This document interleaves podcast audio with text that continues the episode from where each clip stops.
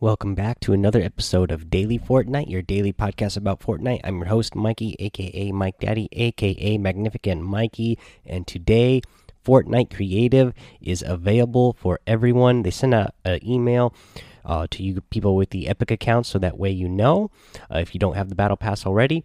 But here we go. They said Fortnite Creative is now free for all players. Claim your own personal island and start creating your island, your friends, your rules. Design games with friends and build your dream Fortnite experience. Supersize Squad. Fortnite Creative introduces the largest social experience in Fortnite to date. Build and play together with up to 16 players. Fortnite famous, the most exciting and imaginative islands will be featured on the block in the Battle Royale map. We've already covered a bunch of details about the Fortnite creative mode, and they recently just did a bunch of updates in the most recent version. So go back and listen to those episodes if you need to know more details about creative mode. Uh, but yeah, today is a day that it is available for everybody for free. Uh, you know, I'm glad that we had that uh, week early access uh, for us. Um, battle pass owners. It was it was really nice to play around with. I i can't wait to play around with it some more especially once christmas is over and uh, things will return uh, back to normal a little bit back at work. That way i can have more time to play around with it. Alrighty let's see here uh, we got, um, you know, we got a little update from uh, Epic as well on the Infinity Blade. So let's read this little post that they posted over here on Reddit. They say, Let's talk about the Infinity Blade. Hey, folks, we released the Mythic Infinity Blade item with the version 7.01 update and have since seen a healthy amount of discussion and feedback around it. In response to what we've seen, we're looking to provide more context on item philosophy, philosophy and some upcoming changes to the blade.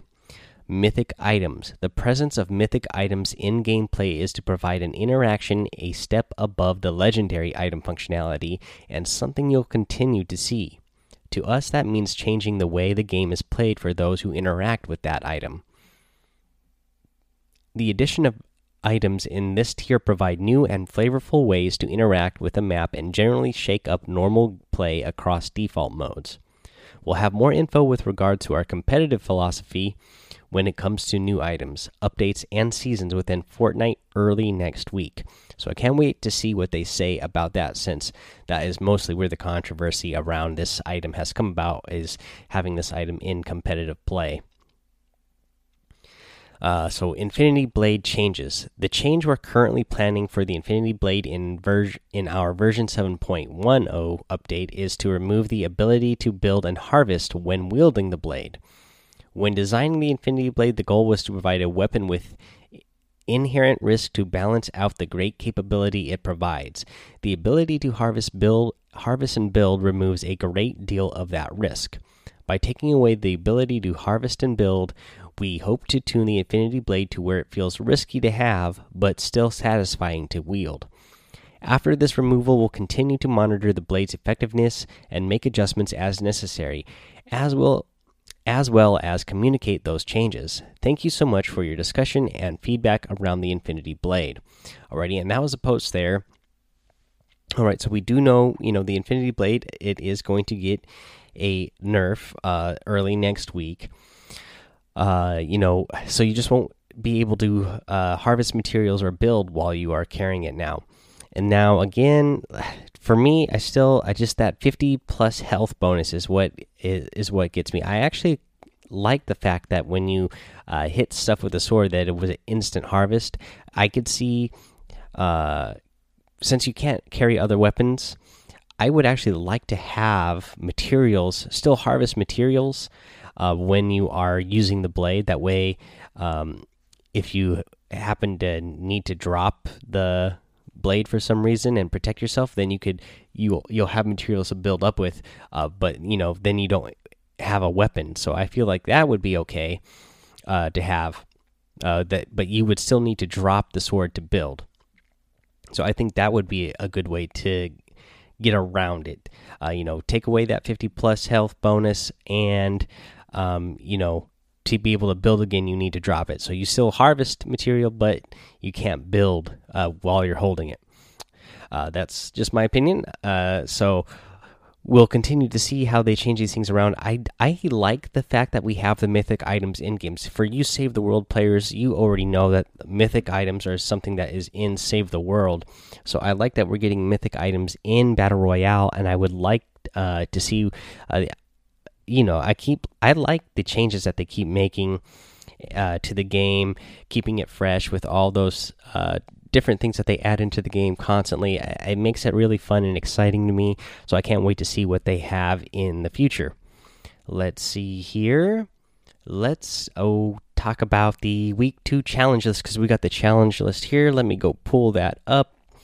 Uh, week two challenges. We have search a chest in different named locations, and you need to do that in seven different named locations total. You need to damage opponents with different types of weapons, uh, and you need to do. Uh, let's see here, five different types of weapons total. You need to eliminate opponents in Snobby Shores or Fatal Fields. You need to get three eliminations total for that one. Let's see here. We have a stage one here. So let's uh, let me pull this up to see what all the stages are. So you need to let's see here. Visit Snobby Shores and Pleasant Park in a single match. Then you need to visit uh, Dusty Divot and Lonely Lodge in a single match.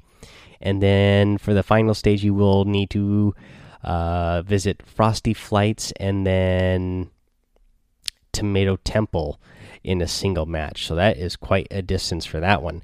But you'll be at Frosty Flight, so you'll be able to hop in one of those planes and just fly right over there and be able to get that one pretty quickly. Let's see here. Um you need to play the sheet music on the pianos near Pleasant Park and Lonely Lodge. You need to compete in a dance off at an abandoned mansion and eliminate an opponent from at least 50 meters away. All right, guys, that's a challenge list. Uh, we'll go over how to get some of these done uh, over the next week, but there is the list there for you, so that way you know what you need to be working on. Uh, let's go ahead and look at what's in the item shop today. I know there's uh, a new item in there. This will actually be, uh, I just turned on my PlayStation, so this will be my first chance looking at it. Oh, this is the slushy soldier. I like this guy a lot. He's got a snowman head. Uh, he's got on a ugly sweater. He's got uh, like the bandolier around his chest, but instead of bullets, it's carrots. Uh, let's see here. Oh, he's got like little uh, snowball uh, grenades on his belt.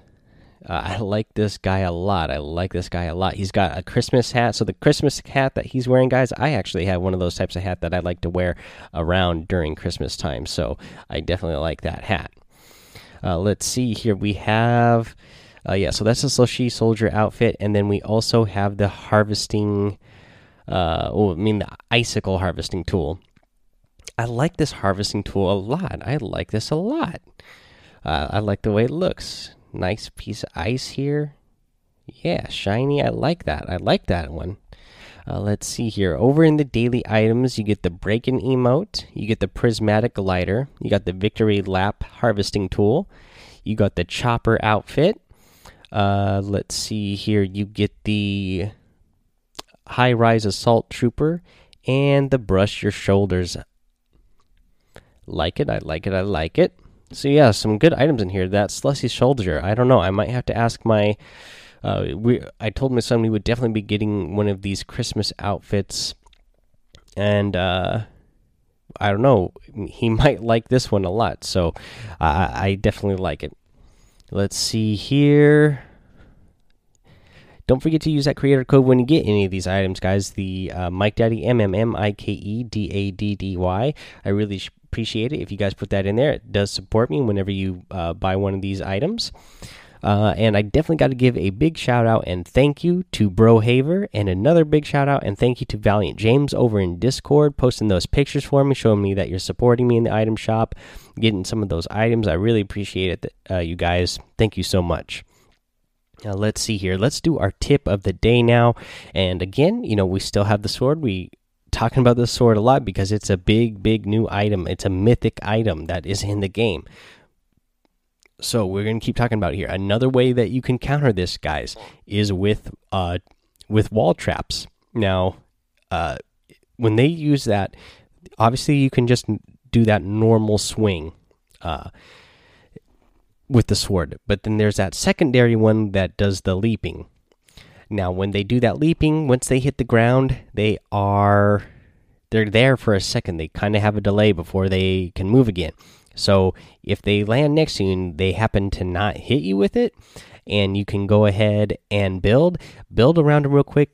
Try to set a trap, and that way that trap hits them. And now, because it has 400 health total, if they're at full health, this is not going to kill them, but is going to greatly help you because you know the wall trap it does 125 damage.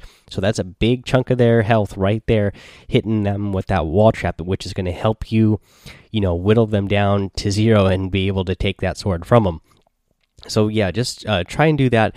It's not really easy to um, to rush somebody with the sword and then try to trap them in a room, like by building a one by one around them and uh, knocking it down. I mean, building a one by one around them and setting traps in there because they can just start swinging and and knock that down right away. So the easiest way to do this again is uh, wait until they use that secondary uh, leaping ability, and when they leap, once they land, they're there for a split second, long enough to hopefully set you know put a floor right underneath them or a wall right next to them, and then set your trap on it. Do this really quick. That way, it'll go off before they can move again, and uh, that should take a big chunk of damage out of them. Alrighty, guys, that is the show for today. So head over to Discord, join the daily Fortnite Discord, uh, follow me over on Twitch, and subscribe to my YouTube channel, Mike Daddy, on both of those places, same as my creator code. Head over to iTunes and Apple Podcasts, leave a five star rating and a written review so you can get a shout out here on the show. Subscribe while you're there. And until next time, guys, have fun, be safe, and don't get lost in the storm.